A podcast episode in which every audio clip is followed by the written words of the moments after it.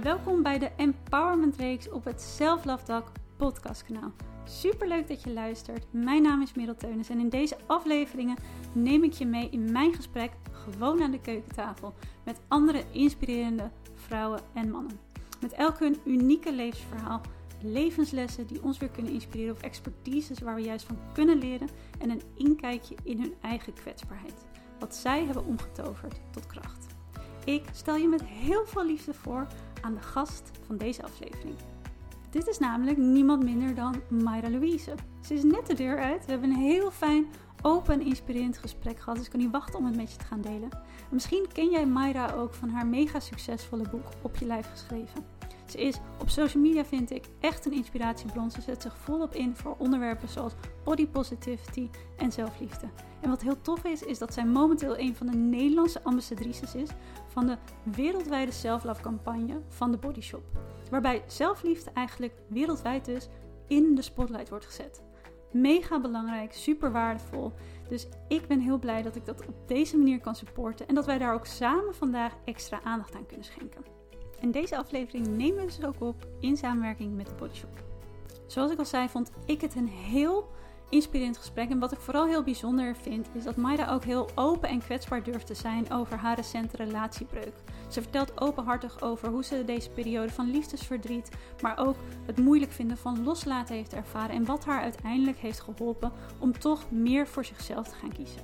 We hebben het over moederschap, ouder worden, over social media en over hoe je nou eigenlijk grenzen voor jezelf stelt en waarom dat zo'n belangrijke en waardevolle act of self-love is. Goed, dit en heel veel meer. Ik wens je heel veel luisterplezier. Nou, welkom Thanks for having me. aan mijn keukentafel. Ja. Ja, we zitten ondertussen al een uur te kletsen. De thee is al op, de koffie is koud. Over heel andere dingen. Hele andere dingen. Ja. Maar hoe gaat het met je, first of all? Ehm, nou, ik ben natuurlijk op een heel andere plek in mijn leven dan toen we elkaar twee jaar geleden Ja. spraken. Ehm, het is mijn relatie is uitgegaan. Eigenlijk, nou ja, ik denk een maand of vier of zo na onze vorige podcast. Ja, Ehm, maar ik heb best wel lang in grijs gebied gezeten met mijn ex.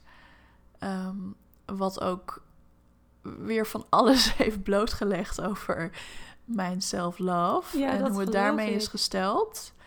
Ehm, daar zijn ook veel vragen wel over op het gebied van liefde. Dus Ja. nog op. Ja. eh, dat is echt een eh, enorme, enorm pijnlijke spiegel, kan ik wel zeggen. Ehm, maar wel nodig, maar wel een soort reality check. Ehm, Een hele andere fase ook op het gebied van Ja, zelfliefde. Kan ik toen ik natuurlijk mijn boek. eh, eh, toen mijn boek uitkwam in mei 2019, dat is dus gewoon bijna twee jaar geleden. Zo snel. ehm, het, het meeste wat ik in mijn boek vertel zijn dingen die ik al wist, zeg maar, op het moment dat ik het schreef. En ik had toen ook het gevoel van, ah, I got this covered. Ik weet wel ongeveer hoe ik in elkaar zit, hoe Ja. ik werk, hoe ik mezelf ik weet eh, hierbij kan ondersteunen. Ja. Ik ik weet mijn valkuilen. Ik dacht eigenlijk niet op een arrogante manier, maar meer. Ik had het gevoel dat ik genoeg handvatten had om mezelf goed te ondersteunen. En nu ja, is wel een beetje. Ja, het is gewoon echt. Het is gewoon niet waar. Het is gewoon. Ik ben nooit in deze situatie geweest. Nee. Eh, moeder, nu single moeder. Eh, met een relatie waarvan ik eigenlijk niet wilde dat het overging. Maar ik kon niet anders dan er een punt achter zetten. Maar ik, ik zette er een punt achter met de hoop dat het goed zou komen. Ja. En dat bracht me gewoon eigenlijk in een positie die eigenlijk gewoon niet zo goed voor mij was. En dat heeft best wel lang geduurd voordat ik dus stappen zette van oké, ik moet het nu echt anders doen, want ik verdien meer dan dit. Ehm, dus dat is heel, ja, dat is eigenlijk heel, een heel vers besef. ja. Ehm, en ook dat ik dan denk van, oh ja, dan ga ik nu over zelfliefde weer praten. Ehm, maar ja, ik, ik heb nu dus het gevoel dat ik eigenlijk een diepere laag aanraak. Maar ik zit er dus nog middenin. ja. Ehm, Maar denk jij niet ook dat dat eigenlijk zelfliefde is? Dat het continu in ontwikkeling is. Ja, dat sowieso. Ja. Dat wist ik ook wel. Van dit is een eh, proces wat door blijft gaan. Je bent nooit klaar. Je bent nooit op een eindpunt. En je moet ehm, eigenlijk continu voor jezelf blijven kiezen. En voor wat het beste is voor jou. Ook als dat heel lastig is. Ja. Ehm, eigenlijk ga je toch ja, een beetje de hele tijd tegen de stroom in of zo. Want als je naar de maatschappij kijkt, dan ja, eigenlijk zelftwijfel of zelfhaat is eigenlijk eh, normaal. Ja, En zelfliefde, ja, eh, sommige mensen hebben echt een emmertje inmiddels nodig bij, eh, bij dat woord. ja. ik ben klaar mee. oh ja, love je gewoon van jezelf houden. Ja.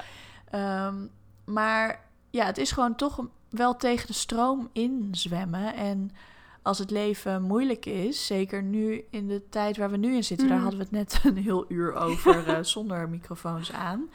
Met zo'n pandemie, dat vraagt gewoon zoveel van je. Ja. En dan, ik heb zelf al heel snel sneller nu last van een soort overwhelm. Mhm. En dan vind ik het dus moeilijker om goed voor mezelf te zorgen. En moeilijker om niet in een soort standje overleven te gaan. En oh ja, eh, die zelfliefde komt wel weer. eh. Wat denk jij dat Ooit. het dan moeilijker maakt, juist? Om dan te denken, nou, ik ga Ehm. wel goed voor mezelf zorgen. Want ik denk dat heel veel mensen dit dus herkennen. Nou ja, bij mij voelt het altijd alsof ik een soort browser ben met heel veel tapjes open. En nu voelt het al een jaar lang alsof er gewoon continu te veel tapjes open staan.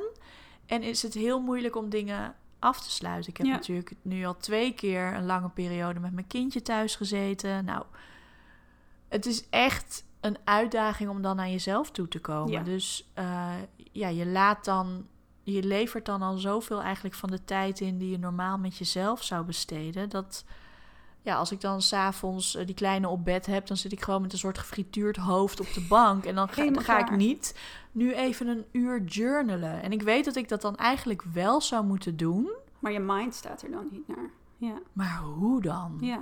Ehm, en ik merk dat het gevolg daarvan dus was dat ik een soort van, ja, dus met mijn ex in dit geval, een soort van loop heel lang heb Mhm. gezeten. Waar we steeds hetzelfde rondje afdraaien met ik wil dit van jou, jij wil dit van mij. En het sluit niet aan, maar toch laten we niet los. ja. Dan die pandemie er nog bovenop. Nou ja, eh, Hoe moet je daar Ja. überhaupt mee omgaan? ja. Dus het, ja, het- het- ik merk gewoon dat als het leven eigenlijk een nieuwe situatie op je gooit, ehm, dat het voor mij dan echt even schakelen is. Ja. En ehm, ja, dat is voor mij wel een beetje de les van deze tijd. Dat ik echt, ik wist dat al wel, maar dat je echt je eigen timing hebt. Wanneer je klaar bent voor dingen. En soms moet je echt 48 keer hetzelfde rondje draaien voordat je denkt van oké, ja, nu, ben, nu ben ik klaar. Nu ben ik klaar om het anders te gaan doen. ja. Ehm, en ik denk dat meer mensen dat ook wel zullen hebben. Ehm, Is dat, Dat je- ook dat we je te snel je willen? weet dingen wel. Ja. En je weet dat je eh, misschien meer verdient dan wat je jezelf geeft. Maar er echt naar gaan handelen en er dan bij blijven. Dat is Ja. dan weer zo'n eh, andere beweging letterlijk. Dat het soms gewoon...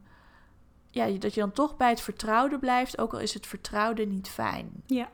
Dus nu zit ik eigenlijk midden in een soort: oké, ik doe nu iets wat onnatuurlijk voor me voelt. Namelijk heel hard mijn best doen om in dit geval dus mijn ex los te laten.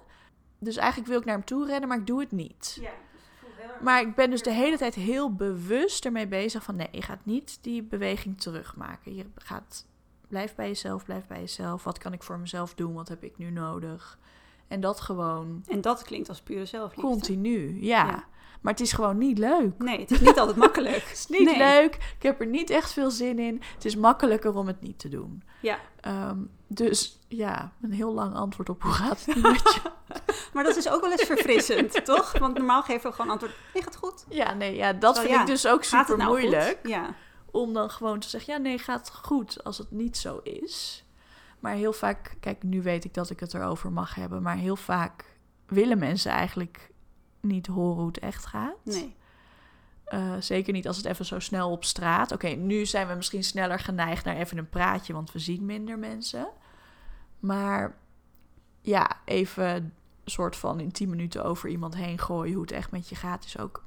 Het is ook, het is ook lastig. Wanneer deel je Ja, Nee, is ook zo. Deel je dat? Ehm, Terwijl ik wel denk, aan iemand vragen hoe gaat het... en iemand echt zijn verhaal kunnen laten doen... is eigenlijk een van de krachtigste dingen... die je in communicatie met een ander kan doen. Ja, zeker. En vaak heb je dan op die momenten ook wel een stukje herkenbaarheid wat je dan bij elkaar kan vinden. En dat is zeker, ja, dat is gewoon altijd fijn, maar in deze tijd helemaal. Ehm, Ja, want in deze tijd is eigenlijk waarschijnlijk zoveel wat we van elkaar herkennen eigenlijk. ja, Maar wat we toch misschien niet altijd durven toe te geven, zoals eenzaamheid, dat soort onderwerpen. We vinden het toch moeilijk om dat toe te geven, omdat we toch bang zijn van, ja, dat doet dan een beetje af.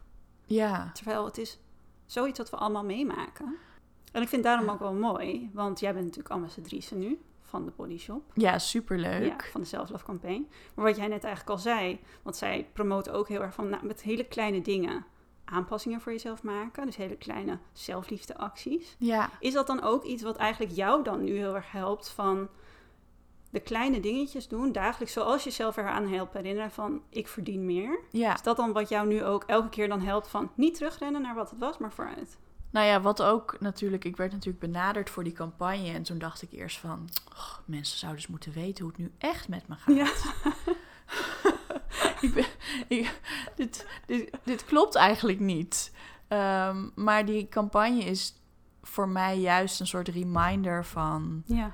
Weet je, kijk even naar hoe ver je eigenlijk bent gekomen. Want ook al ben ik nu niet op een plek ehm, waarin ik zeg... eh, nou, ik blaak van de zelfliefde Gaat allemaal goed? ben ik wel weer zoveel verder dan bijna tien jaar terug toen ik aan dit hele proces begon. Eh, dus er is zeker heel veel om trots op te zijn. Dus dan is dat ik zoiets mag doen eigenlijk ehm, ja, toch weer een klein, kleine schop onder mijn kont van je bent hartstikke goed bezig. Ja. En ehm, ze zeggen ook wel eens van... eh, ehm, we- weet je, de, zo'n quote die ik vaak voorbij zie komen van de healer needs healing too. En eh, mensen die, die mensen lesgeven hebben ook eh, ja, het nodig om gehoord te worden. En En soms juist meestal de diepste dalen gekend. ja, Waardoor ze kunnen overbrengen wat ze nu weten. precies. Ja. Ja. Ehm, dus dit voelt ook wel een beetje zo. En ehm, dat maakt het dan ook weer oké. Dat ik denk, ja, het is, het is oké als ik er nu achter kom dat eh, ik het misschien toch nog niet helemaal had uitgevogeld. Niet dat ik ooit dacht dat er een eindpunt was, maar wel, hè? Ja. Wat ik net zei. Ik dacht, ik dacht, nou, ik dacht dat ik het wel ongeveer wist. Ehm, maar dan gebeurt er iets in je leven waardoor je merkt van, oh, toch niet. Maar dat zo'n campagne er dan nu is, dat, ja, dat helpt me eigenlijk herinneren aan wat ik allemaal, al- de weg die ik al wel heb Ja. afgelegd of zo. Dus, ehm, En ik vind het ook wel mooi aan die campagne, is dat zij ook wel heel erg open zijn daarin. Van, weet je, van zelfliefde wordt, dat herken jij misschien ook wel, er wordt ook wel soms een mooi plaatje van gemaakt. Bijna een romantisch plaatje. Ja. Van als je dat eenmaal in de pocket hebt, nou dan, dan kan niks je meer raken. En dan raak je nooit nee, meer uit was balans. het maar zo. Was het maar zo.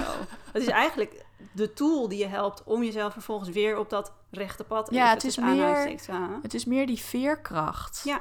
eh, waar je dan op terug kan vallen. Al, soms duurt het iets langer voordat je, hem, voordat je hem weer voelt of zo. Voordat je die beweging weer voelt. Ja. Want ik merk wel dat hoe meer ik hier mee bezig ben... Hoe, ik ben hier nu bijna dus tien jaar actief mee bezig... eh, dat mijn dalen zijn wel minder diep. Dus ik herstel sneller. Dus er, gebeurt dan iets vervelends misschien... maar, maar ik herstel veel sneller Ja. dan vroeger. Merk je Ehm, dat dan nu ook in die relatiebreuk? Dat je denkt, wat ik eigenlijk in geïnvesteerd heb de afgelopen jaren op het gebied van zelfliefde, dat kan ik nu gebruiken om in een nieuwe situatie toch bepaald houvast of een veerkracht te vinden. Ja, ook omdat, kijk, ik heb de afgelopen anderhalf jaar gewoon ongeveer alles gedaan wat je niet moet doen. Je, soms hè, moet je dingen gewoon uittesten. Ehm, Daar moet je ook achter komen. gewoon, Oké, dat is gewoon goed voer voor mijn tweede boek. Het is wel zo. Het hoofdstuk over alles wat je niet moet doen. Nou, ik heb anderhalf jaar input. Maar Het is wel goed ehm, om te weten. toch? Eh, dat heb ik gewoon even voor jullie gedaan. En hoeven jullie het niet te doen, hè?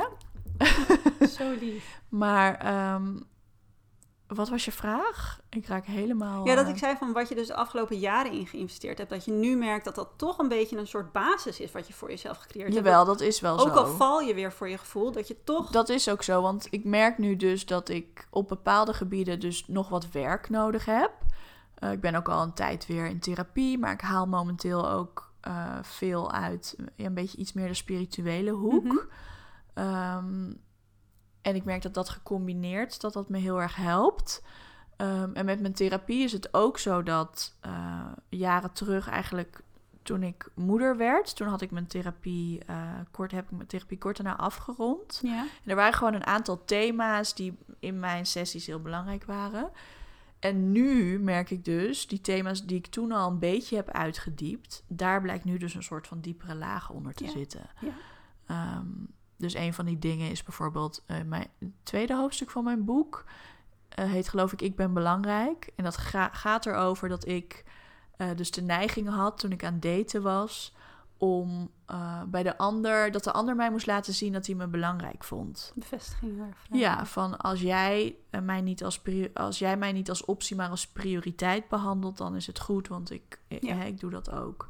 En nu merk ik dus in die situatie met die relatiebreuk dat ik toch weer heel veel bij mijn ex legde. Als jij je nou gewoon goed gedraagt, dan kunnen we samen zijn. In Ja. plaats van dat ik zeg, je gedraagt je niet zoals het zou moeten, dus ik kan geen relatie met je hebben, dus punt. Ja, toch heel erg bij jezelf Ja. terugkomen. Ja. Dus ik merkte toch dat ik weer in die oude valkuil viel, maar in een nieuwe setting, waardoor ik het niet direct herkende als Ja. hetzelfde, maar stiekem was het dat wel. Ja. Eh, maar, Maar doordat heel ik, krachtig doordat dat ik dat herkent, nu dan zie, Ja. lukt het me dus wel sneller om eruit te herstellen.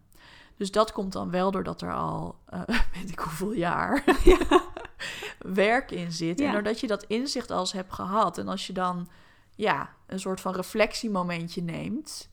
ehm, en gewoon of in therapie of op papier het gaat uitdiepen of in gesprekken met vriendinnen. Ik moet zeggen dat ik daar ook heel veel aan heb.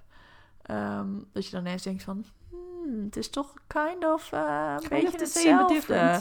Alleen net even, hè? Ja. Ehm, maar ja, dan merk je dus dat die veerkracht wel sneller om de hoek komt kijken.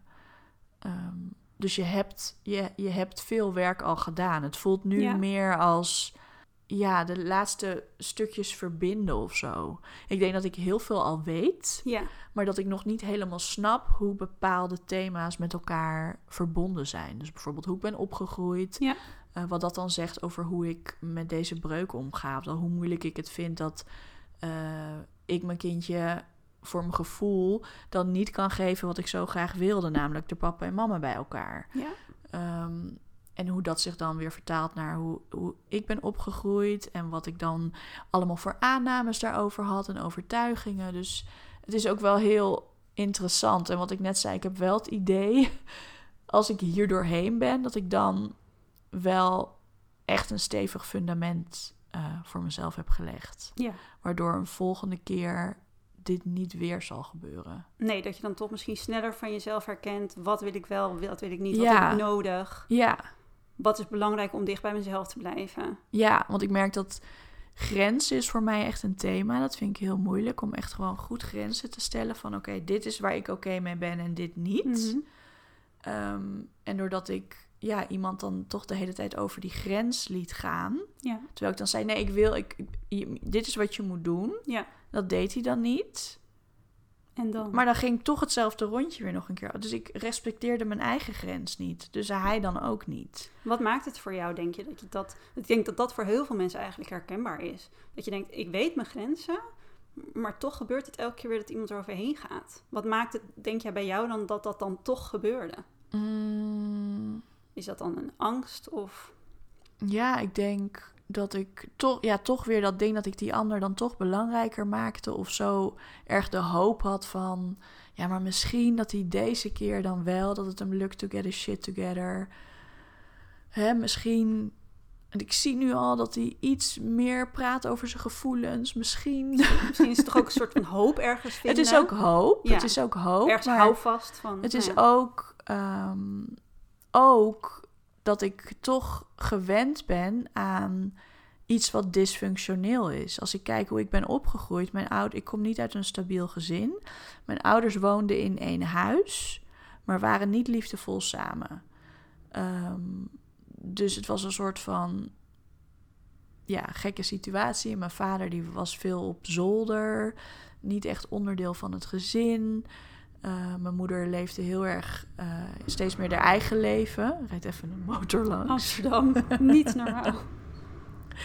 Ehm, dus mijn, mijn normaal, hoe ik opgroeide, was helemaal geen normale situatie. Maar dat is dus wel wat ik ken. Dus dat twee mensen die niet echt happy zijn, wel in één huis Wel wonen. Ja. Dus ik heb ook eigenlijk nooit geleerd dat je dan dus moet zeggen: dit, dit gaan we niet doen. En dat je daarin dus voor jezelf ook echt andere keuzes eigenlijk mag maken. ja, Ja, dus ik deed dat wel, want ik heb die relatie uitgemaakt. Maar ik maakte het uit als statement. Ik dacht: als ik het uitmaak, wordt hij wel wakker. En dan denkt hij: ik wil mijn gezin niet kwijt. Maar in plaats daarvan dook hij helemaal in zijn triggers en raakte ik hem juist meer kwijt. En in plaats van dat ik toen dacht: oké, this is not working, ja, bleef ik toch met hem een soort van rondjes draaien in dat grijze gebied. ja. Dus ja, het zijn zoveel dingetjes die meespelen. Dus hoe, hoe- ja, wat ik zelf heb gezien als kind en als tiener. Eh, maar ook gewoon ja, dingen die ik eh, ja, echt nog moet leren. Zoals echt heel goed op mijn grenzen letten en mijn eigen grenzen respecteren. ja. Want dat is natuurlijk ook het ding, dat zeggen ze natuurlijk van eh, de manier waarop jij van jezelf houdt. Ja. daarmee zet je het voorbeeld voor hoe anderen van jou eh, mogen houden. Ja. Of hoe, ja, hoe jij wil dat iemand anders van jou houdt. Het is best een Ehm, lastig ook het natuurlijk. is super lastig. En we weten het allemaal, we zien die quotes voorbij komen. Maar om het dan in de praktijk te brengen, dat vraagt gewoon echt zo'n commitment. En ja, ik heb dus gewoon gemerkt dat mij dat dus niet altijd even goed lukte. Maar nu denk ik, oké, we're working on it. En het is ook wel zo dat, weet je, ik heb natuurlijk een dochtertje van drie. En ik wil haar gewoon wel echt iets anders hierin meegeven. Dus ik denk dat dat ook ja, het laatste zetje is dat ik laatst besefte van... Weet je, zij wordt nu wat ouder. Ze begint vragen te stellen over waarom papa en mama niet in één huis wonen. En eh, papa kan toch ook gewoon hier komen wonen? Dan kan hij je altijd helpen, zei ze laatst heel schattig. Oh, lief. En dan breekt mijn hart echt. denk ik, ja, dat wilde ik ook heel Ja. graag. Ehm, maar ja, ik wil wel gewoon dat wat we haar wel meegeven, eh, dat dat gewoon zo gezond mogelijk is. Ja. En dat kan dus alleen als ik ook zorg voor gezonde grenzen en ehm, ja, gewoon wat goed is voor mij. Want dat is wat zij ziet. Ik wil net zeggen, dat ziet zij. Ja, je kan kinderen natuurlijk van alles vertellen, maar je moet het echt zelf leven. Ehm, dus dat was weer even een realisatiemomentje laatst dat ik dacht: ja, gaan we nog een keer dit rondje draaien of ja, maybe not, weet je? Heeft het moeder zijn je daar ook in veranderd? Dat je op dat gebied misschien ook anders erin staat. En wat jij zegt van je wil een bepaald beeld aan haar meegeven. Dat dat jou misschien ook wel een extra drive geeft om dan bepaalde stappen te zetten. Ja, zeker. Want wat ik dus heb gemerkt in, eh, in het moeder worden, dat ehm, ik ging dus heel erg voor mijn gezin. Ja. Ehm, en mijn ex had al twee kindjes ook, dus ik had ook eh, stief, eh, stiefkinderen. Dus mijn focus was gewoon heel erg om dat gezin draaiende te houden. En het moeder zijn gaat mij best wel goed af. Maar waar ik daarin blijf, dat vond ik dus een heel lastig stukje. Dus ik heb daar met de vriendin ook wel eens een gesprek over gevoerd. Dat het gezin was soort van de oase. Dus die was helemaal in bloei en dat liep allemaal goed. Maar ja, ik was zelf toch een beetje dat treurige kamerplantje Ja, geworden. Waarvan je dacht, Ja. ja, die plaatjes worden een beetje bruin. Ehm, en dat is, ja, dat is gewoon eigenlijk een oud patroon... wat in het moederschap dus stiekem Ja. weer naar voren kwam. En ook in die breuk die daarop volgde. Ja. En doordat ik dat nu steeds helderder ben gaan zien... Ja, ben ik me wel heel erg bewust van wat ik die kleine mee wil geven. En dat, ja, dat ik toch even hier wat kritischer in naar mezelf moet kijken. En ja, toch een beetje mijn eigen accountability partner Mhm. ook moet zijn. Ja. Van, oké, je predikt eh, dit en je roept tegen iedereen van, weet je, wat heb je nodig? Stel jezelf die vraag en ga dat leven. ja. Maar dan moet ik het zelf ook wel Ja. doen. Maar dat is het lastige wat jij net zegt. En dat vind ik ook mooi dat je dat zegt. Want we weten soms zoveel. Ja, Maar het doen is soms zo lastig. Omdat, en dat vond ik mooi, want dat zei je aan het begin ook. Zeker wanneer je misschien niet bewust bent van al je patronen of van hoe je generaties voor eigenlijk dingen hebben dan, dan heb je eigenlijk niet door dat het tegen je natuur ingaat. Ja. Omdat je al iets anders geleefd hebt. Ja. Dus iets nieuws gaan doen dan. Vanuit zelfliefde opeens. Wat ik van heel veel mensen, en daarom zeg ik ook wat jij zegt mooi als moeder. Ook van heel veel moeders die.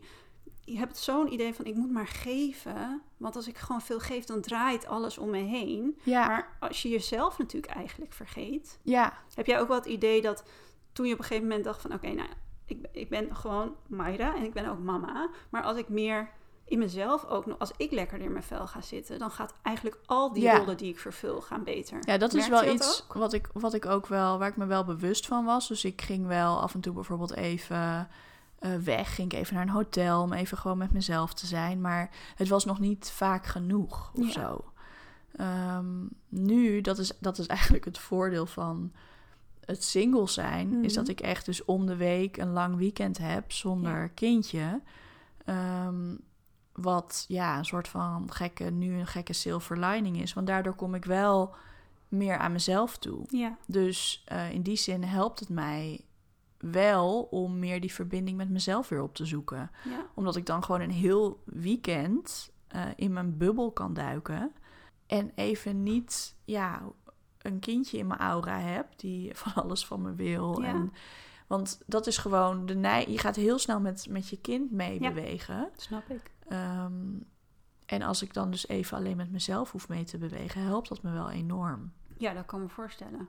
En heb je dan ook dat als je die momenten dan ook bewust voor jezelf eigenlijk hebt, dat je dan nu wel denkt van nou, er zijn echt wel specifieke eh zelfliefde momentjes of dingen die ik doe of vragen die ik mezelf stel, om wel echt bewust stil te staan bij nou ja, zelfliefde, hoe je je voelt, maar ook hoe je je wil voelen. Dus dat je een beetje sturing kan geven aan de acties die je onderneemt.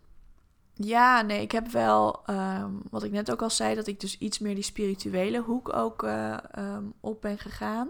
Dus ik leg regelmatig spreads met eh tarotkaarten. En ik Het is ook een mooie manier van zelfreflectie, toch weer. Den- ja, dat helpt me, denken. helpt me heel erg met. Want mijn intuïtie is eigenlijk heel sterk. Mhm. Alleen wat mijn neiging dus is, was als mijn intuïtie iets zegt van iets klopt niet, dan ga ik bewijs zoeken. In plaats van dat het gevoel alleen, Oh, het klopt niet, dat dat genoeg is. Ja, En dat is echt iets eh, wat ik echt nog steeds heel erg moet leren of heel erg voor waarheid moet leren aannemen. Als het niet goed voelt, is het niet waar ik moet zijn. Punt. Maar ik ben best wel ook een rationeel. eh, kan ik kan best wel rationeel zijn. Dus dan ga ik op zoek naar een soort van feitelijk bewijs voor wat ik voel. ja. Waardoor ik dan daar heel erg in kan duiken. En daarna En- heb je pas eigenlijk de bevestiging dat je je gevoel mag volgen. Ja, Ja. terwijl het andersom is. Ja. Ehm, dus dat is ook wel een van de lessen van de afgelopen anderhalf jaar.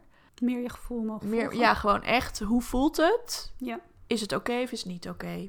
Eigenlijk heel simpel. Ja. Hoe voelt het? Ja. Hoe voel ik me hierbij? Heb ik een knoop in mijn maag? Of, of ja, voel ik een soort van excitement? Of En wat helpt jou dan om Ja. dat toch dat de neiging hebben om feitelijke bewijs te zoeken, om dat dan een beetje die stemmetjes een beetje te. ja, dat is gewoon een soort van controledrang die ik dan eigenlijk wil hebben op situaties die ik helemaal waar ik geen controle op heb. Ja. Ehm, Dus toch ook weer die les van blijf maar dicht bij jezelf. Echt, ja. Ja. En echt gewoon heel erg. ehm, ik moet ook zeggen, toen ik een paar jaar terug in therapie ging, ging het ook heel erg over dat ik moest leren voelen. Omdat ik gewoon, eh, ja, dat nooit. Tuurlijk had ik wel emoties en eh, kon ik ook super verdrietig zijn of blij of whatever. Maar gewoon echt voelen van wat vertelt mijn lijf me nu op dit moment. En welke les kan je daar dus van leren? Nou ja, daar was ik gewoon eigenlijk nooit echt mee bezig Nee. geweest. Ehm, en dat komt nu gewoon weer op dat mijn intuïtie weet het vaak wel. En dat ik echt letterlijk moet leren daarop vertrouwen. En dat vind ik dus heel leuk aan die kaarten. Ja, dat dat me heel erg verbindt met mijn intuïtie. Want heel vaak als ik een spread leg, dan ja, klopt dat wel bij het gevoel wat ik er zelf ook al over had. Ja. Dus dat versterkt elkaar heel erg.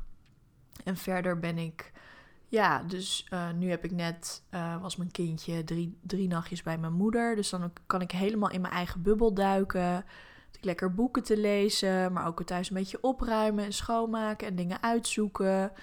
En ehm, ja, om gewoon echt even op mijn eigen ritme te kunnen gaan, dat Ja. helpt mij echt heel erg. Ja. En eigenlijk in een ideale wereld, als zij zeg maar thuis is, doe ik er goed aan om op te staan voordat zij wakker wordt. Alleen het nadeel is dat zij vaak wakker wordt als ik dan dus een wekker zet. Oh ja. Dus dan lukt dat plan niet helemaal. Maar het is voor mij eigenlijk het beste om Lekker even je Eh, eigen tijd nog te... ja, bijvoorbeeld om half zes 's ochtends op te staan en dan even een uurtje voor mezelf te Ja. hebben voordat die kleine komt. Ja. Al kan ik alleen een theetje drinken of even wat schrijven of een boek lezen. Ja. Uh, maar op mijn eigen tempo de dag beginnen helpt mij echt enorm. Met me meer verbonden voelen met mezelf. En ik heb ook, ehm, ik vind LXL heel cool. Ja. En zij doet van die eh, cursussen, geeft ze, een beetje Oh, leuk, eh, op schrijven georiënteerd Ja. meer. Dus nu ben ik alweer eh cursus nummer vier of zo van haar bezig. Ehm, maar dat helpt ook heel erg. Dat is wel een leuke ehm, tip. Ja, Om gewoon wat meer te doen waar je gewoon blij van wordt. Of ja, ook gewoon dat ik dan denk van, oh ja, ik wil echt weer meer mijn dagboek schrijven. Ja, Ehm, en dat doe ik dan dus aan de hand van zo'n cursus. Leuk. Dus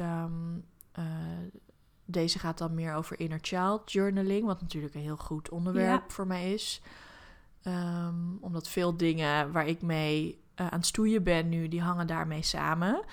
Eh, dat is natuurlijk het hele ding van zo'n breuk. Het heeft helemaal niet met je ex te maken. Mm. Het gaat, het, dat duurde ook even voordat ik dat inzag. ja. Maar het gaat helemaal niet over hem. Het gaat gewoon over wat de spiegel waar ik in kijk, als ik naar hem kijk, die zegt van alles over mij en over dingen waar ik nog iets mee moet, die Ja. eigenlijk volledig losstaan van hem. Ehm, dus Maar dat is wel heel mooi dat jij dus ook kan inzien van, je, dat heb ik meegemaakt. Maar wat kan ik er dus nu van leren? Ja. Zodat het in de toekomst wel allemaal meer in lijn ligt met wat ik wil, of wat voor mij belangrijk is. Ja, want dat is, dat is ook eigenlijk het, het hele verdrietige aan deze relatie. Is dat ehm, het, ga, het is eigenlijk stuk gegaan omdat wij allebei eigenlijk oude shit hebben waar we nog iets mee moeten. Ja, En hoe we ermee omgaan past gewoon niet in elkaar. Dus hij heeft de neiging om eh, te vluchten in afleiding en uit te checken. ja, En ik raak heel erg getriggerd als ik word genegeerd. Nou, ja. dan ga je dus... dat, dat botst. Dat botst gewoon enorm. Ja, Ehm, dus het is ook niet dat dan een gebrek aan liefde of iets eh, de reden is dat je niet bij elkaar bent. Maar soms is gewoon dat ja, oud zeer dan letterlijk... Ja, hoe, hoe je daarmee omgaat letterlijk niet compatible is. ja. Maar ja, dat is ook, denk ik, dan wat het zo moeilijk maakt om dan los te laten. Omdat je denkt van ja, het ligt niet aan dat ik niet van je hou of zo. Of jij niet van mij. ja. Maar ja, Een ander ding waar je natuurlijk ook niet heel erg de vinger op kan leggen. Dus het, als iets tastbaars is, dan kunnen we vaak makkelijker een keuze maken. ja dus denken, dat, dat maakt die neiging van Ja. mij om dan te gaan onderzoeken. En bij hem, en hoe komt het dan dat je dit doet? En altijd maar begrijpen, begrijpen, begrijpen. Maar Ja. daarbij dan voorbij gaan aan, maar hoe voel ik het me voelen. hierbij? Ja, voor mij voelt het niet goed. Oké, dat is dan wat dat ik is ook een weten. antwoord. Maar hoe ik me daarbij voel zou dan genoeg moeten zijn. En dat Ja. was het dus heel lang niet. Omdat ik dacht, ja, maar ja, hij kan er dan eigenlijk niks aan doen. Maar dat is dus niet waar.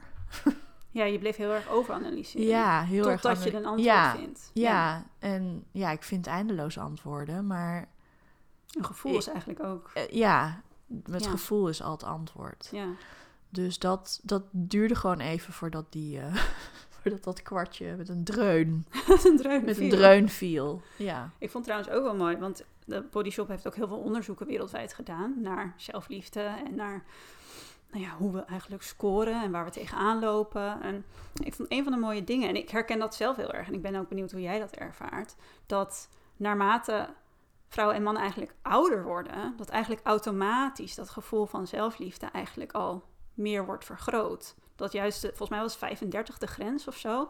En dat mensen die eronder vallen eigenlijk veel meer last überhaupt hebben van twijfels of negatieve Ja. gedachten. En het is niet dat je dat later niet meer hebt, maar dat leeftijd dus wel ook een soort van zelfliefde en acceptatie brengt. Ja, dat kan, dat, dat kan ik me ook wel voorstellen. Ja. Gewoon, dus het is natuurlijk, hè, de wijsheid komt met de jaren. het is waar. Maar het is volgens mij, het is is, het is denk ik wel waar. Omdat je ook een soort, ja, toch meer een berusting vindt Ja. in dingen. En acceptatie, bijvoorbeeld als je kijkt naar je lichaam, ja, je kan niet, het, je kan niet echt anders dan accepteren dat het verandert. Weet Ja. je, je draagt je lijf, je, je, lijf- of je lijf draagt jou al Ja. zoveel jaren. Eh, Het is logisch dat, dat je dat ziet aan je lichaam. Ja. Zeker als je bijvoorbeeld moeder wordt of als je, eh, nou ja, als je ziek bent geweest of weet ik wat. Misschien ook dan- een ander besef Ja. van wat je lichaam eigenlijk voor je betekent. Ja. Dan wat misschien als je wat jonger bent. ehm, en dat, dat kwam natuurlijk ook uit die onderzoeken. Dat was ook een koppeling met social media. Ja, Dat dat ook eigenlijk zelfliefde extreem verlaagt. Bij mensen Ja, die meer op social die, media ja, die zitten. maak, het gevoel van maakbaarheid is denk ik heel erg, dat is denk ik echt vergif voor, eh, voor zelfliefde wat Ja. dat betreft. Want dat merk jij dat ook, want jij hebt natuurlijk jouw zelfliefde platform, eigenlijk ook op Instagram, natuurlijk ook je boek, eh, waarin je ook wel echt een inspiratie voor mensen bent die op het gebied van zelfvertrouwen, maar ook jezelf veel meer durven laten zien. Weet je wel, gewoon jezelf ook in het licht plaatsen en dan trots daarop mogen zijn. Merk jij ook, misschien is het lastig om met leeftijd in te schatten hoor, maar dat ehm, nou ja, jongere mensen misschien inderdaad meer die onzekerheden daarover hebben? Of is dat toch ook nog wel iets wat je... Nou, ik moet zeggen, ik, ik, ik krijg best wel veel DM's ook en het wisselt wel. Het zijn ook echt soms jonge mensen, maar ook juist echt vrouwen die, eh, of ook mannen die, die ouder zijn dan ik. Ik ben 39. Eh, echt dan van 50 of zo, 55. Die zeggen, ik worstel hier nog steeds mee. Ehm, ik heb wel het idee dat eh, een deel van de jonge generatie van nu, dus echt de twintigers, dat die ook hele grote stappen hiermee zetten. Maar dat het heel erg ligt aan wat ze leren over hoe te dealen met de bubbel waar je in zit op Ja, social media. ja. En hoe bewust ze zijn van hoe ze die bubbel kunnen vormgeven. Dat ook, hè? Ehm, want wie jij volgt en wat voor gevoel dat jou geeft, ik bedoel, dit weten we allemaal, maar dat je gewoon zo, dat beelden. zoveel impact op Ja. ehm, hoe je dat eigenlijk ja, naar jezelf vertaalt. Als jij gewoon de hele tijd naar plaatjes kijkt van mensen waar je eigenlijk, waardoor jij jezelf als minder ziet of Mhm. minder goed. En je zit drie uur per dag op social Precies. media. Ja, die impact is natuurlijk enorm. Ja. Maar als jij een timeline hebt vol met ehm, self-love en Lizzo en Liefdevolle Ehm, berichten. ja, liefdevolle berichten, mooie quotes en eh, gewoon je vrienden en de mensen waar je van houdt. Dan heb je een heel ander gevoel wat je dan krijgt als je Ja. eh, op je telefoon kijkt dan wanneer ja, je aan het vergelijkbare, eh, vergelijken bent met eh, ja, een heel maakbaar plaatje. Of mensen die heel veel filters gebruiken. Precies, Of, ja. En daar niet heel erg transparant over zijn. Ja. Want ik doe ook wel eens een filter gewoon voor de lol. Ik lag me helemaal suf om dat het dan heet is. Cute face. En dan heb ik ineens een compleet ander gezicht. Met een andere kleur ogen en een andere neus. En ja, ik moet daar een beetje om denk, oh, zo lachen. kan het ook. Maar je hebt natuurlijk ook mensen die gewoon dan altijd zo'n filter gebruiken. Ja. En die dan gewoon bijna bang worden ehm, om iemand in het echt tegen te komen. Ja, en, en ik denk Omdat ze ook dan wel dat geen het eh, triggert flawless natuurlijk. skin hebben. Ja, of- precies. En, en, en als je al natuurlijk niet lekker in je vel zit... Ik merk dat bijvoorbeeld zelf... heel veel- Als ik niet lekker in mijn vel zit... of ik merk dat ik overweldigd ben... dan is social media echt op een laag pitje. Ja. Omdat ik dat dan extreem in mijn hoofd vind. Dan denk ik, laat ik maar alles even Ja, rusten. voor mij is het dus soms nog best wel een vlucht. Dat ik dus echt dan veel te veel op mijn telefoon... Dus dan ga ik eigenlijk niet zo lekker. Dan ga ik veel te veel op mijn Oh ja. telefoon. Ja. Dus dan ga ik juist in die... Dan, oh, die is wel van alles aan het doen. Oh ja, zie ik zou ook een post moeten doen. Ik heb al een week niks gepost. Oh, Ja. dan kan ik echt heel erg in die... Ja. En dan Dus- verandert het ook heel erg, wat dat merk ik bij mezelf. Want ik denk dat dat voor mensen ook lastig is. Je, je even niet goed voelen, dat is gewoon way of life. Ja. Maar doordat we dan inderdaad dat gaan kijken naar... oké, hoe moet het dan? En hoe moet het oplossen? Hoe doen anderen? Dan opeens dan is er iets niet goed aan jou. maar het is nu zelfs... Ik, heb, zeg maar, ik ben heel blij met alle mensen die ik volg. Maar best wel veel mensen gaan niet zo lekker op dit moment. Mhm. Maar dan zijn er dus ook mensen die daar dan over delen. En dan denk ik, oh, zie je wel? Zij deelt er gewoon over. Waarom kan ik niet even gewoon nu een foto maken en even vertellen van zo gaat het met mij? Dus Het triggert ah, alle kanten op. het triggert echt alle kanten op. Ja. Ehm, maar ik merk wel dat minder met social media bezig zijn mij wel gewoon letterlijk headspace geeft. Ja. Ja. Dat, het, eh, dat er dan een paar van die tapjes waar ik het over had in die browser, dat die dan wel even dicht gaan. Die ruis wordt even iets minder. Ja, ja het is, ik vind social media ook heel mooi, want het heeft ook ja, voor mijn, bijvoorbeeld mijn boek is er, omdat ik zo'n groot platform Ja. eh, heb mogen opbouwen de afgelopen jaren. Dus het, het heeft me ook heel veel gebracht. Maar Ja, en jij bent dan ook een van de platformen die een ander beeld laat zien dan de perfecte plaatjes zoals we die kennen. ja, Wat voor mensen denk ik ook wel weer een safe space creëert. Dat ze denken, oh, er zijn ook andere mensen die zich ook kwetsbaar voelen. Ja. Of ook door een relatiebreuk heen gaan en vertellen dat ze dat moeilijk vinden. ja, Of ook niet maatje 36 van de plaatjes hebben zoals we ze altijd zagen. Gelukkig is daar natuurlijk de afgelopen jaren al heel veel ja er verandering gebeurt in wel heel veel. Dat is wel echt heel fijn. Is dat voor jou nog steeds soms moeilijk om dat te delen, ook omdat je best wel een groot bereik hebt?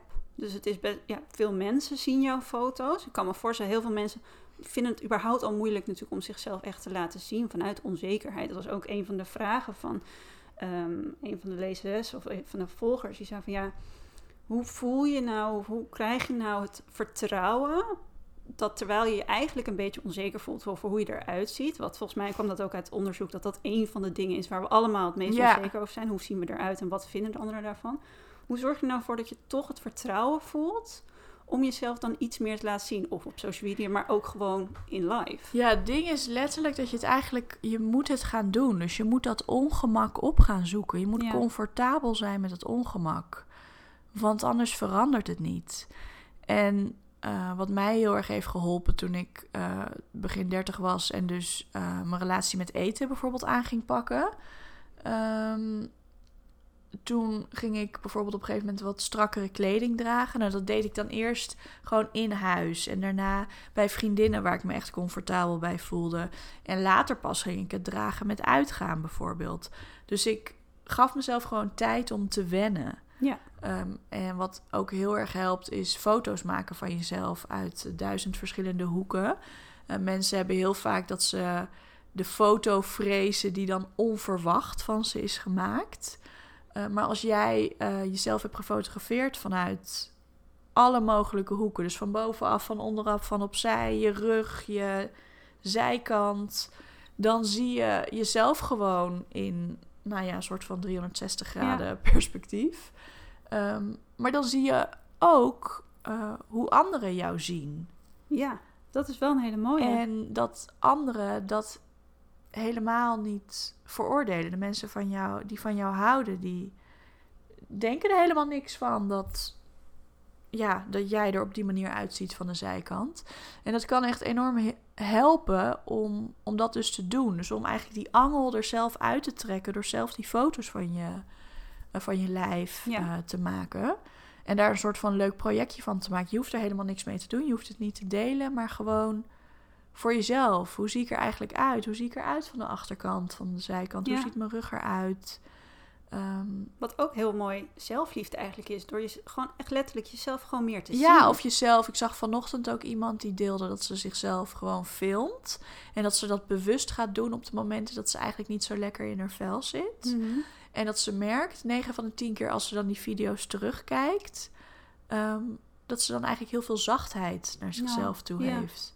Dat ze denkt van, oh, het is helemaal niet zo heftig als dat ik het in mijn hoofd had. En het is eigenlijk mooi. Of, of ik vind dit stukje van de video mooi. Of, dus dat je daarmee jezelf ook heel erg, eh, ja, toch meer die compassie kan hebben naar jezelf Ja, toe. en misschien ook gewoon ziet opeens door je eigen ogen dat wat je dan ervaart zo menselijk is. Ja, En dat die hardheid waar we ons vaak mee behandelen op dat moment, als je dat bij iemand anders zou zien, wat jij net zegt, mensen om je heen waar je van houdt, ja, hoe zou je dan zelf reageren? ja. Dus als je jezelf misschien inderdaad letterlijk dan ziet op zo'n moment, dat biedt het ook wel weer een ander Ja, maar dat is ook vaak natuurlijk wat helpt. Van weet je, wat zou je tegen iemand waar je het meest van houdt eh, zeggen als die hiermee Ja. dealt? En waarom is het zo moeilijk om dat tegen jezelf te zeggen? Ehm, dus dat helpt mij altijd wel heel erg. Dat ik denk van, eh, zou ik dit tegen mijn beste vriendin zo zeggen? Of zou ik zo afzeikerig doen? Nee. Oké, waarom doe ik dat dan wel tegen mezelf? Dus dan moet ik mezelf ook echt even, ja, weer die reality Ja. check geven. Ja. Van wat ben je nou aan het doen? Wat ben je nou aan het doen? Ja. Want je helpt jezelf hier niet mee. En bij mij is het zo dat qua lijf is dat grotendeels weg. Eh, kijk ik gewoon eh, heel, meestal heel neutraal naar mijn lichaam. Maar ik heb echt nog wel eens dagen, zeker in mijn PMS-week, Mm. de week voordat ik ongesteld word, dan sta ik voor de spiegel en denk ik... Ja. "Oh, Ja. Dan voel ik me zo niet lekker in mijn vel en niks zit lekker en mijn kleding is allemaal stom en Alles is zwaar. alles is zwaar Ja, en log. En nou ja, dat. En dan heb ik echt wel eens gedacht van, oh ja, het zou toch makkelijker zijn als ik wel zou afvallen. Maar dat is dan ook met 30 seconden weer weg. Ja. Dus dan denk ik, nou, ik laat het er maar even zijn. En, En dan is weet dat ik dan weg weer- omdat er eigenlijk nu stemmetjes ook getraind zijn die veel meer uit compassie zijn en misschien ook Ja, wel... maar ook dat ik weet van, ehm, het probleem is niet mijn lijf. Ja. Het is niet mijn lijf wat me in de weg zit. Het is wat ik in mijn hoofd allemaal denk. Het is wat de maatschappij ons soms oplegt. Het is het maakbare beeld. Het is het schoonheidsideaal. Ehm, het is niet mijn lijf. Het gaat, dit gaat helemaal niet over mijn lichaam. Het gaat over duizend andere dingen. Ja. Maar met mijn lijf is niks mis. Mijn lichaam is er al 39 jaar voor me. eh, het, Hard aan het werk. koestert me. Ja. Het is hard aan het werk. Ik heb mijn dochter in mijn lichaam mogen dragen. Ik heb mogen bevallen. Ik kan de mensen waar ik van hou, nou, ik wil zeggen knuffelen, dat is niet waar. Eh is a lie. Ja. Maar goed, One ik kan mijn dochter knuffelen. Ik kan dansen in de woonkamer. Ik kan eh, hier nu zitten te praten Ja. dankzij mijn lichaam. Ehm, dus er is zoveel... Mijn lijf doet zoveel meer voor me dan eh, hoe, het, hoe het eruit ziet, zeg maar. En dat helpt mij altijd wel uit ja, negatieve, Gedachtenspinsels. negatieve gedachtenspinsels. Ja. Ja. En ik had ook één vraag en dat vond ik wel een mooie. Want dat ging eigenlijk ook een beetje, nou ja, ook over uiterlijk, maar ik denk ook niet per se over uiterlijk. En misschien herken je dat ook wel op social media, maar ook misschien wel überhaupt in het leven. Van wat, kijk, als we op een gegeven moment meer content zijn met onszelf, dan is dat al een hele mijlpaal die we natuurlijk behalen. ja. Hoe gaan we om, dat was de vraag, hoe ga je dan toch om met de kritiek of de opmerkingen die je om je heen hoort vanuit de maatschappij zoals het hoort, maar ook gewoon mensen die letterlijk kritiek hebben op jou. Wat je doet of hoe je eruit ziet, hoe ga je daarmee om? Zonder dat je zelfvertrouwen meteen helemaal door dat putje ja. wegcijpelt. Nou ja, het zegt natuurlijk vaak heel veel over, over de ander. Als iemand kritiek zou hebben op jouw uiterlijk, reflecteert dat eigenlijk naar die persoon zelf toe. En dat zegt gewoon heel veel over hoe kritisch die persoon naar zichzelf is. En als iemand dat al uit naar jou, kun je nagaan Ja. Wat ze tegen zichzelf zeggen. Want dat is eigenlijk waar wij het net over hebben. Zou je het zeggen tegen iemand waar je van houdt? Nee. Dus als iemand wel zich zo uit naar jou, Ja, dan is het eigenlijk heel verdrietig. Want dan weet jij hoe heftig het is wat die persoon zichzelf vertelt. Ehm, dus dat helpt mij heel erg op zo'n moment. Dat ik dan denk van... Ja, dit is eigenlijk gewoon heel rot voor jou. En natuurlijk ehm, is dat misschien makkelijker gezegd dan gedaan. Want een opmerking kan gewoon ontzettend veel pijn doen. ja, En ik zou ook gewoon denken van, weet je, neem even de tijd om je daar gewoon rot over te voelen. En ga daarna iets doen om juist je lijf te vieren of om jezelf te vieren. En even voor jou te bedenken waarom wat die persoon heeft gezegd gewoon niet waar is. ja. En breng jezelf terug bij wat voor jou wel waar is. ja. En da- dat, dat vind ik ook mooi dat je dat zegt, want daarin mag je ook een keuze maken. Ja, en daarin mag je dus ook Ja, Kijk, je kan misschien niet voorkomen dat iemand een rotopmerking maakt. Nee. Dus daarin kun je misschien geen grens stellen. Maar je kan wel, weet je, als je jezelf bij elkaar hebt gepakt of jezelf hebt herpakt, kun je wel, als het iemand is waar je vaker mee te maken hebt, wel aangeven van: ik waardeer het eh, niet eh, als je dit soort opmerkingen maakt over mijn uiterlijk. Ja. En ik, ik, eh, ik, ik, ja, ik, ik ben daar niet oké mee. Dus Ja. of je daar in het vervolg even rekening mee wil houden. Ja, dat is mooi dat je dat benoemt. Dat was inderdaad ook een vraag van iemand die zei van ja, hoe ga je nou eigenlijk om met mensen in je omgeving die je lief hebt, eh, maar die toch een heel ander beeld hebben of toch de hele tijd grapjes maken waar je eigenlijk je niet fijn bij voelt. Ja. Ehm, ja, of toch heel erg zijn mening probeert op te dwingen van goh, misschien moet je je anders kleden of misschien Ja. die keuzes moet je niet maken. En ja. Weet je, hoe geef je dat nou op een manier aan dat je niet zelf helemaal in paniek schiet van moet ik dat wel zeggen? Nou ja, ik zou wel kiezen om me op zo'n moment kwetsbaar op te stellen, ook al is het moeilijk. Ja. Eh, maar wel aangeven van, ehm, weet je, ik, ik snap dat je dit echt eh, vanuit liefde doet. Maar het is voor mij heel triggerend en het is een onderwerp waar ik, het, waar ik me niet comfortabel bij voel om het daarover te hebben. Eh, of ik, ik voel me er eh, ongemakkelijk bij eh, als je het zo in mijn gezicht gooit. Of het is misschien iets waar we het op een andere manier over kunnen hebben, maar niet met een grapje of een opmerking. En dat je, daar, dat je gewoon aangeeft dat je daar last van hebt en of zij je grenzen daarin willen respecteren. En dat is echt wel even zoeken naar jouw tone of voice daarin. En ik snap ook dat het echt moeilijk is als je bijvoorbeeld een moeder of een zus of een broer hebt. Of zelfs een partner die kritiek heeft op je uiterlijk. Ik heb zelf ook door de jaren heen relaties gehad met mensen die, die dat helaas hadden. Mhm. En doordat ik zelf geloofde dat dat zo was, pikte ik het ook. Dat mensen eh, opmerkingen maakten. Ehm, maar dit is ook zo'n ding waarin je ruimte mag innemen. Ehm, en waarin je gewoon mag aangeven van ik ben hier niet oké mee. En, en je triggert me. Ja. En ik wil graag het fijn hebben als ik bij jou ben. Ja. En dat lukt niet als je dit soort dingen tegen me zegt. Ja. En dat is wel mooi wat jij net inderdaad zei: van als je een beetje die beste vriendin of iemand waarvan je houdt test doet.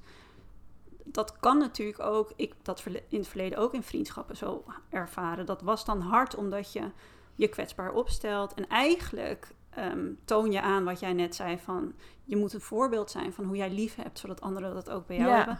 Dat kan dan ook zijn dat, dat je merkt dat je elkaar daar niet in tegen gaat komen. Dat is denk ik ook een heel veel angst voor mensen, waardoor ze dan denken: nee, dan zeg ik het maar niet. Ja, je wil iemand dan niet kwijtraken. Ja. Maar het gaat wel ten koste van Precies. jezelf. Ja, dus je, ja, ik, ik zeg altijd over vriendschappen die uiteindelijk daardoor nou ja, een beetje verwaterd zijn. Dat ik denk, ik heb er ook wel veel mee gewonnen. Meer Ja. dan dat ik had gedaan als ik in die vriendschap was gebleven. Ja, en het kan natuurlijk ook zo zijn dat als je het opengooit, dat, Precies. Ja. dat die persoon zich ineens er bewust van wordt. En misschien moet je het nog twee keer zeggen daarna. Maar het kan je ook dichter bij elkaar brengen. ja, Omdat het misschien wel het gesprek opent en dat ze zeggen: Oh ja, ja, het heeft eigenlijk ook wel mee te maken dat ik zelf niet zo lekker in mijn vel zit. Of dat ik zelf dit en dit moeilijk vind. Ja. En dan kan het juist voor vereniging zorgen in plaats van die verwijdering die je eigenlijk voelt als iemand een opmerking Ja. maakt die jou eh, pijn doet. ja, ik vond het wel mooi. Laatst zei een, iemand, eh, een van mijn members, die zei dat van, die kwam ook uit een gezin van waar ze nooit eigenlijk emotie toonde en haar partner ook niet. Dus dat Oh, was ja. een soort ding, weet je wel. Terwijl, terwijl zij heel erg die behoefte had. En ze zei ook, op het moment dat ik dat eigenlijk ging doen, even clashte dat. Want dat was bij hem natuurlijk angst van, eh, wat Ja. gaan we nu doen? Maar opeens veranderde de hele dynamiek. Opeens was Ja. het zo van, oh, omdat ik open mag zijn, Ja, dan kan jij dat dus ook. Ja. En dat- er gebeurt niks engs. Dus wat jij zegt is ook heel mooi. Dat als je juist door die angst heen gaat, dan verdwijnt dat ook. ja, en het is ook gewoon zo dat je het voor jezelf nodig hebt Mhm. om dus op zo'n moment, of misschien een paar dagen later, voor jezelf op te komen en toch uit te spreken Ja. van ja, je hebt me hier gewoon heel erg mee geraakt en ik zit hiermee en ik wil aangeven dat, dat je over mijn grens bent gegaan. Ja, Kunnen we dit in het vervolg, ja, kunnen we het anders doen? ja. Want ik ben wel graag in je leven. ja super mooi toch? Ja, En wat jij ook zegt over, want daar ben ik wel benieuwd naar als we het dan hebben over grenzen aangeven. Ik denk dat dat, of überhaupt weten eigenlijk wat je grenzen zijn, dat we dat over het algemeen ook nog best wel lastig Ja, vinden. ik denk dat weet je nou vaak- wat een grens is. dat is dus, hè, ik heb het allemaal uitgeprobeerd. Eh, dat je vaak eh, moet merken dat je dingen tolereert en dat je dan achteraf denkt, oh, ik ben hier toch niet Mm. oké mee. Ja. En vaak merk je wel dat het gaat schuren op het moment dat het gebeurt. Ja. Maar ehm, het kan echt wel zo zijn dat je dan achteraf pas voelt hoe erg niet oké je ermee bent. Ja. Dat je dan later denkt als je thuis bent of uit die situatie van wow, ik voelde me daar echt heel oncomfortabel bij. Of het deed me echt pijn of het heeft me echt geraakt. Dus soms moeten dingen ook gebeuren om te weten Absoluut. van oké, zodra het over dat onderwerp gaat, moet ik al aangeven, jongens, hier wil ik het niet over hebben. Ja. Of ik ga even de kamer uit en ik kom alweer terug als jullie klaar zijn met praten Precies. over afvallen of weet ik Precies. veel. Ja, ja. ja. Dat is eigenlijk ook En wel het is mooie. ja. natuurlijk, ik bedoel, je, krijgt het misschien heet en weet ik wat als je dan denkt van god, ik moet nu iets gaan zeggen. Maar Ja. als je het dan eenmaal doet en misschien daarna nog een keer en nog een keer, dan merk je ook hoe goed het jou doet om dus die ruimte voor jezelf te pakken en gewoon te claimen van dit is waar ik me oké bij voel en dit niet. Ja, Dus precies. punt. En ook ervaren dat dat dus echt oké is als Ja. je dat gaat doen. En natuurlijk denkt je omgeving misschien van de hels op, eh, hè? Ja, doe ik dit echt? hier? Ja, Maar ja, uiteindelijk zal het de dynamiek verbeteren voor jou. ja. Ja, en ik denk dat voor heel veel mensen, denk ik, wat jij dus ook in het begin zei, van die momentjes nemen van überhaupt bij jezelf stil kunnen staan, Ja. dat, dat levert je natuurlijk ook die kennis op. Dat je gewoon terug kan kijken van wat deed er nou eigenlijk pijn? Ja. Niet alleen het doet pijn, en dit is gewoon de situatie, maar waarom deed het pijn? Ja. Zodat je dus inderdaad in een volgende vriendschappelijke relatie of überhaupt een relatie of situatie veel beter voor jezelf kan herkennen van ja, dit is dus niet hoe ik het wil. Of Ja. dit is wel hoe ik het wil. En wat, wat jij ook zegt, dat, dat is mooi. Beseffen dat je dus dat ook mag kiezen. Dat je Ja. die keuzes mag gaan maken, ook al was het verleden helemaal anders. Ja, wij ondergaan dingen vaak heel Ja. erg. We, we zijn ons dan niet bewust genoeg van het feit dat we een keuze hebben. Terwijl natuurlijk niet kiezen is ook kiezen. Ja, Ehm, en als je dus niet kiest, houd je jezelf in die situatie. ja, En als je dat niet wil, dan moet je dus iets anders gaan kiezen. ja, precies. Dat is niet makkelijk. Zeker niet als het bijvoorbeeld een familiedynamiek is of Nee. zo. Dat is echt super moeilijk. Ja. Maar ja, je, je mag daarin gewoon echt jezelf op zetten. En het kan je zoveel opleveren. Ja. Ja. Ja, want het is wel zodra je dat soort keuzes gaat maken, ga je het op andere plekken natuurlijk ook doen. Precies. Dan wordt het steeds meer een natuurlijker ehm, beweging eigenlijk. Ja. Nee, is echt zo. Ik heb dat ook wel, dat ik op een gegeven moment merkte van... zelfliefde was eerst iets wat ik moest leren. En toen werd het onderdeel van. En dan blijft het af en toe op nieuwe fases wel Ja. een uitdaging. Maar dan is het meer onderdeel van wie je bent... dan dat het iets is van, oeh, ik moet dat nog echt heel erg leren. ja. Ja. En als jij nu terugkijkt, hè, want volgens mij hebben we dat in onze eerste podcast ook over gehad, waar jouw zelfliefde journey eigenlijk startte. En als je daar nu naar terugkijkt, naar dat moment en waar je nu staat, wat, wat is dan voor jou, denk je, de grootste verandering? Los van alle gewoon. Nee, bij mij is het echt een soort van in etappes gegaan. Dus eer, ik dacht jarenlang dat mijn lijf mijn issue was. Hmm. En toen heb ik dus mijn relatie met eten heel erg aangepakt. Toen was ik eigenlijk een paar jaar heel happy, want ik voelde me heel lekker in mijn lijf. En vervolgens kwam ik er dus achter, ik voel me nog steeds niet goed genoeg. En dat uit zich eh, in daten, in werk, dat ik niet, eh, eh, dat ik voor te weinig geld bijvoorbeeld werkte en dat soort dingen. Ehm, dus toen merkte ik dat dat veel dieper zat en Ja. dat ik daar dus iets mee moest. Maar ja, het grootste verschil is eigenlijk dat ik nu dus zelf moeder ben. En dat ik eigenlijk nu pas echt merk wat de impact van vroeger, van het gezin waar ik uitkom, is op hoe ik nu ben. Ja. Doordat ik nu moeder ben. Doordat ik dus eh, dat andere perspectief heb. Omdat ik, ik had eigenlijk alleen het perspectief van het kind. En nu heb ik ook het perspectief van de ouder. En Ja. dat maakt eigenlijk alles anders voor mij. Omdat ik dan eigenlijk nog duidelijker zie... Hmm, dit is wat ik nodig had gehad toen, wat ik niet heb gekregen. Ehm, dus als ik nu in een dynamiek ben met iemand... eh, en ik krijg niet wat ik nodig heb... dan word ik eigenlijk weer dat kindje Ja, die, eh, die iets meer... Ja, ja. dus als ik getriggerd ben, dan ben ik eigenlijk gewoon Myra van 14. Ja, maar eigenlijk is het vaak die, wel zo. Die ja. gewoon eh, naar voren komt. En dan ben ik helemaal niet meer die vrouw van 39. Dus dat is het stukje waar ik nu iets mee moet. Dus dat dat eigenlijk ehm, is blootgelegd, is voor mij het grootste verschil. En ik denk dat ik daardoor nu veel dieper kan gaan in dit echt fundamenteel ja. ehm, goed doorleven, zeg maar, en doorwerken. Waardoor ik in de toekomst, ehm, ja, denk ik op een punt kom dat ik heel duidelijk echt mijn eigen grenzen ken. ja. Waardoor ik ook kan voorkomen dat ik, zoals nu, dat ik toch eigenlijk toch weer even kopje onder ben gegaan. Ehm, en mezelf te veel heb weggecijferd. Ja. Want daar komt het natuurlijk op neer. ja.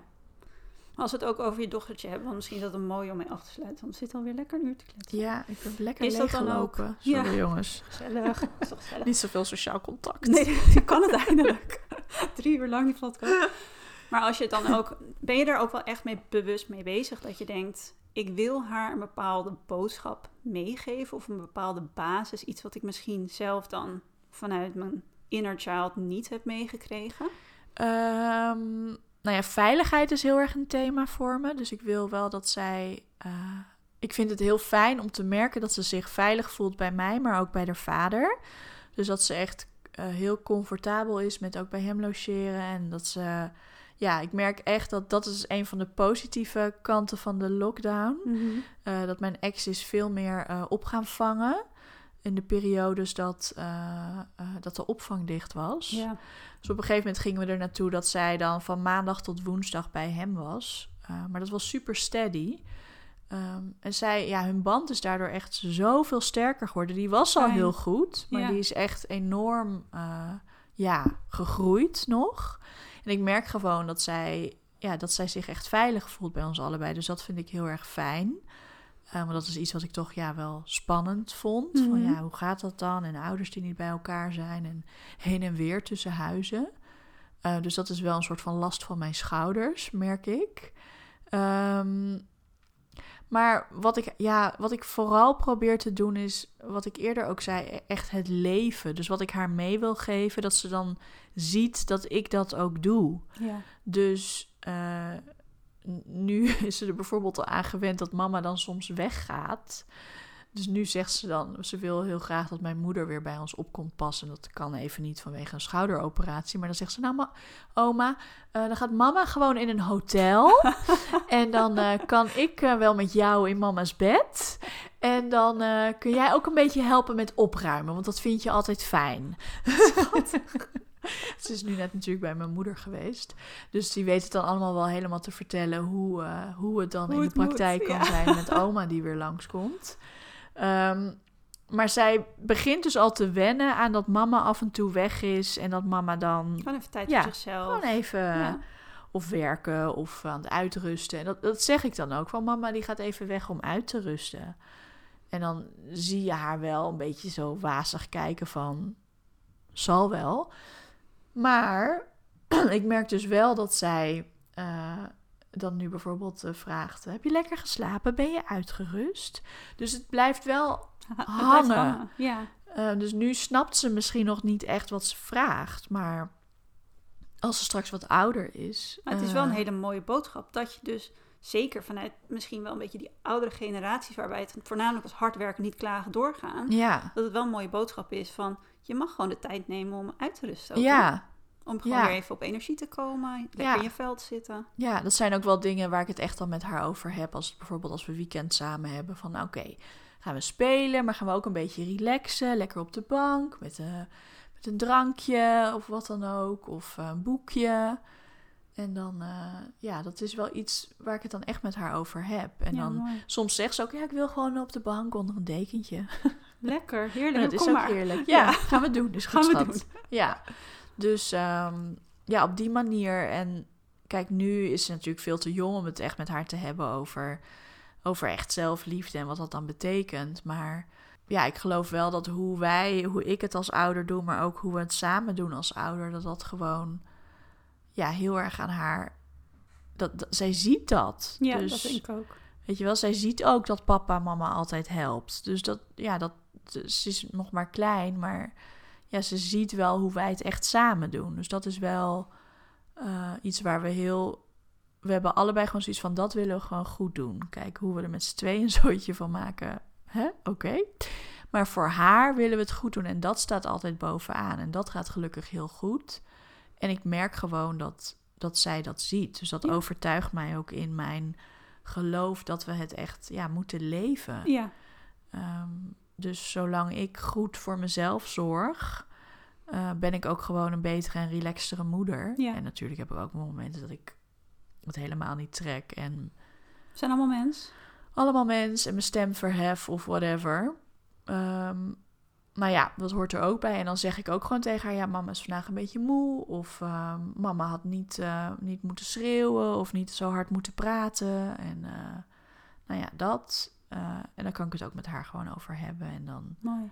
hey, en um, nou ja, voor de luisteraar, heb jij misschien ook nog een boodschap die je aan hun wil meegeven? Of een levensles of iets waarvan je denkt, ja, daar heb ik gewoon heel erg iets aan gehad. En dat wil ik aan iedereen meegeven. Dat doe je natuurlijk ook in je Ja. boek en op social media. Maar Nou ja, wat ik nu dus weer heel actief doe, is echt aan mezelf vragen van wat, wat heb ik nodig? En gewoon ook echt eerlijk zijn daarin. Wat heb ik nodig? ja. En wat moet ik doen om mezelf nu zo goed mogelijk te helpen? En op dit moment, moment zijn dat dus best wel ja, pittige keuzes die ik heb gemaakt. Ehm, en verder hebben we natuurlijk deze podcast ehm, uh, met als aanleiding eigenlijk die campagne van de Body Shop. Eh, daar komen nog super toffe dingen aan. Ik ga nog een masterclass geven. Dus ehm, heel leuk als mensen natuurlijk joinen. Ja. En Staat die al online? Of moet je gewoon even je social media in de gaten Nee, houden? ze moeten heel even social media Ja. in de gaten houden en de nieuwsbrief van de Body Shop. Oh ja, ik zal even een linkje in de Ehm, beschrijving zetten. Ja, en dan, want het is geloof ik wel een beperkte plek. Ik weet niet of we nou 25 plekken deden of 50, maar niet heel veel. Dus een beetje eyes on the prize. Ja, eyes on the bij prize. zetten. Ehm, ja, en verder, kijk, ik vind natuurlijk, die, daar gaat deze hele podcast ook over, gewoon die acts, acts of self-love. Weet je, wat kun je voor jezelf doen? En ja, als ik nu zo meteen hier wegga, dan loop ik lekker naar huis. En dat is voor mij ook alweer even een momentje voor mezelf. En eh zometeen, het is nu, eh, het is einde middag, dus ik ga die kleine straks weer ophalen. Nou, dan ga ik het mezelf makkelijk maken door zo meteen al even te koken, zodat Ja. ik straks niet het stressmoment heb dat ik haar en in bad doe en aan het koken ben en de hele tijd heen en weer aan het rennen ben. Dus ik, voor mij is ze- zelfzorg soms ook hoe kan ik dingen makkelijker maken voor mezelf, ja. zeker als moeder. Ehm, dus het zijn allemaal, ja, allemaal kleine dingetjes, maar bij elkaar opgeteld zorgen al die kleine momentjes dat ik op een dag meerdere momenten heb dat ik even met mezelf connect. En dat en helpt dat is gewoon. het misschien ook gewoon. Dat helpt Ja. gewoon. Dat het, of het nou is om wel even uitgebreid te douchen, of om een lievelingsthee te kopen, Precies. of om buiten een koffie to go te halen en even hier langs de Amstel te lopen. Maar gewoon even een paar keer op een dag bij mezelf stilstaan. En soms zijn het minuutjes. Ja, Ehm, en soms is het wat meer tijd, maar dat helpt me echt. Ik ga dan gewoon met een ander gevoel naar bed s'avonds. En als ik echt geluk heb, sta ik ook met een ander gevoel op dan. precies. Ja. Dus het, het is niet... het maakt ook een Kijk, ander ze soort zeggen heel vaak van ja. Self-love, dat gaat allemaal natuurlijk niet over bruisballen en eh, met theetjes op de bank. En dat is ook zo. Maar die kleine handelingen Ja, helpen je wel om even te denken van... oh ja, ik doe dit even voor mezelf. Maar dat dit- is het, hè? Voor jezelf gewoon. Want als je wel dat theetje maakt of die wandeling... of in dat bad gaat liggen een uur... betekent dat dat je die tijd voor jezelf reserveert. En dat je dat in een andere setting in je leven dus ook voor jezelf kan doen. Misschien met een keuze die moeilijker is. Ja. Dat je op je werk je ergens over uitspreken of in een vriendschap iets uitspreken. En als je gewoon gewend bent om bij jezelf stil te staan en tijd te maken voor jezelf, is het ook al iets makkelijker om ook die moeilijke dingen te doen. Je jezelf daar misschien ook een beetje in trainen in het begin. Ja, Ja, en dan helpen juist wordt. die kleine, tussen aanhalingstekens, onbenullige dingetjes. Omdat ja, als je dat bij elkaar optelt, doe je eigenlijk best wel veel dingetjes al stiekem voor jezelf. En het maakt het denk ik ook voor heel veel mensen die het lastig vinden om er misschien meer prioriteit aan te geven, veel laagdrempeliger. Ja, Het kan heel klein zijn, maar het maakt wel veel verschil. ja, Mooi. ja. En volgens mij heeft de Body Shop ook een platform, toch? De Self Love Hub. Ja, dat is echt super interessant. Ja. Daar hadden wij het net ook over. dat was zonder opnameapparatuur. Een uur lang. dat dat onderzoek ook echt eh, heel interessant is om te lezen. En herkenbaar. En sowieso vind ik de mensen die internationaal ook meewerken aan de campagne Ja, echt heel heel tof en inspirerend. En dus ja, ga zeker een kijkje nemen. Ja, ik zet de link in de beschrijving. Ja, want het sluit leuk. ook super goed aan op jouw podcast Ja. en eigenlijk allebei onze boeken. Absoluut. Ja. Dus ehm, ja, zeker een aanrader. Leuk. En voor jouw masterclass die je dus gaat geven. Ja, dat is waarschijnlijk het eerste binnenkort. weekend van april en je kan je dan binnenkort inschrijven. Oké, dus gewoon even jouw social media in de gaten Ja. houden en een nieuwsbrief. Ja, Alright. Nou, ik wil je bedanken. Ja, thanks for having me. Ja. Ik weet dus totaal ook niet meer waar we het vorige keer over hebben Ik gehad. maar niet. ik voel me ook echt helemaal anders. Dat is Ja, ook wel heel erg grappig. Dat is leuk, hè? Ja. Dus iedereen moet vooral ook die gaan luisteren. Want ik zou het ook niet meer weten. Dan denken ze, nou, toen dacht ze dat ze dat had uitgevogeld. Ja. en toen Twee jaar later, 2020. de waarheid. Ja. Ja.